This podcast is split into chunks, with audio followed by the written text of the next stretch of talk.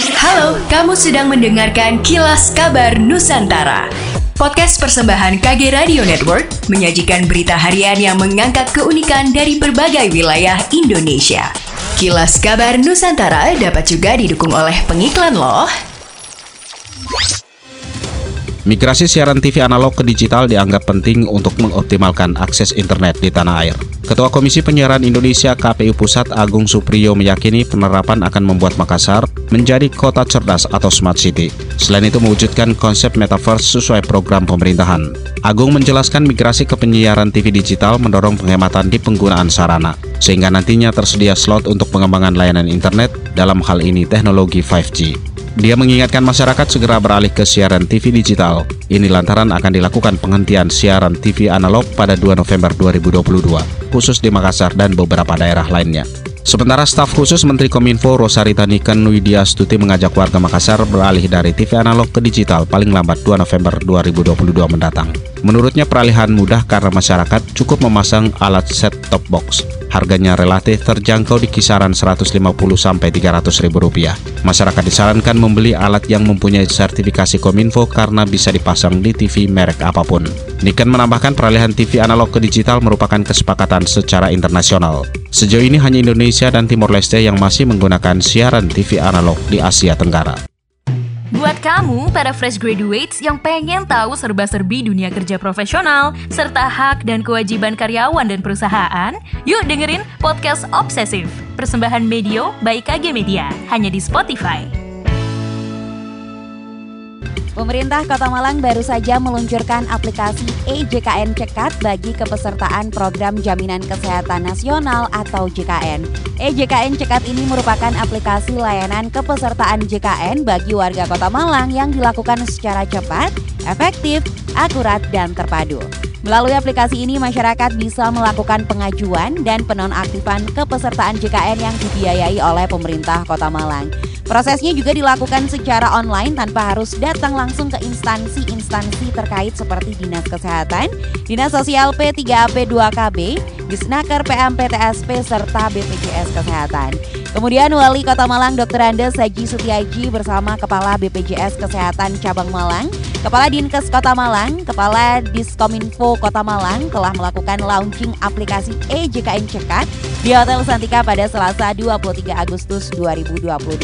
Di mana Sam Sutiaji mengatakan jika layanan ini merupakan bentuk apresiasi kepada BPJS Kesehatan atas keberhasilannya dalam memberikan pelayanan terbaik kepada masyarakat Kota Malang. Bukan hanya itu, Wali Kota Malang juga mengatakan terciptanya aplikasi EJKN Cekat ini juga merupakan suatu bentuk kolaborasi yang baik antara pemerintah daerah dan BPJS Kesehatan serta bentuk perhatian pemerintah terhadap masyarakat khususnya para peserta JKN.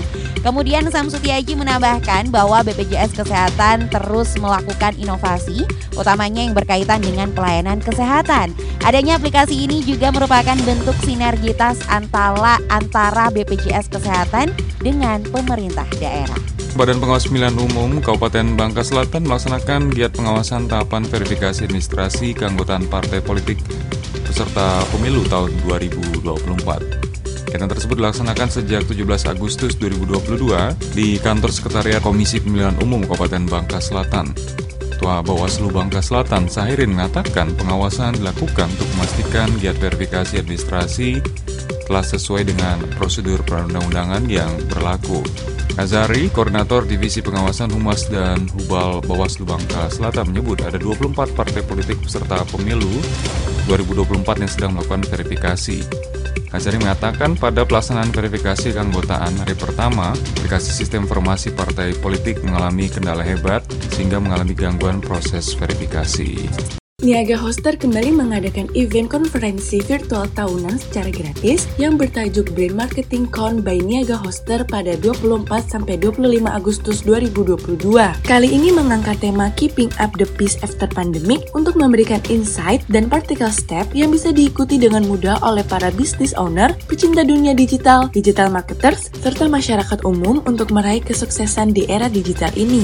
Brand Marketing Con 2022 by Niaga Hoster merupakan gelaran ketiga sejak pertama kali diinisiasi pada tahun 2020 yang merupakan awal pandemi ketika semua kegiatan harus beralih ke online. Brand Marketing Con 2022 by Niaga Hoster akan membahas 12 topik seputar brand dan digital marketing bersama 19 narasumber yang profesional di bidangnya. Brand Marketing Con 2022 by Niaga Hoster secara khusus menghadirkan pembicara dari brand-brand ternama antara lain Gojek, Prudential, Lemonilo, Kumparan, Tribelio.com, Kopi Cuseo, dan masih banyak lagi. Event Brand Marketing Con 2022 by Niaga Hoster diadakan secara gratis dan terbuka bagi siapa saja yang ingin bergabung untuk mendapatkan insight mengenai branding dan digital marketing dari ahlinya. Daftarkan diri untuk mengikuti Brand Marketing Con 2022 by Niaga Hoster pada 24 sampai 25 Agustus 2022 di www.niagahoster.co.id/event.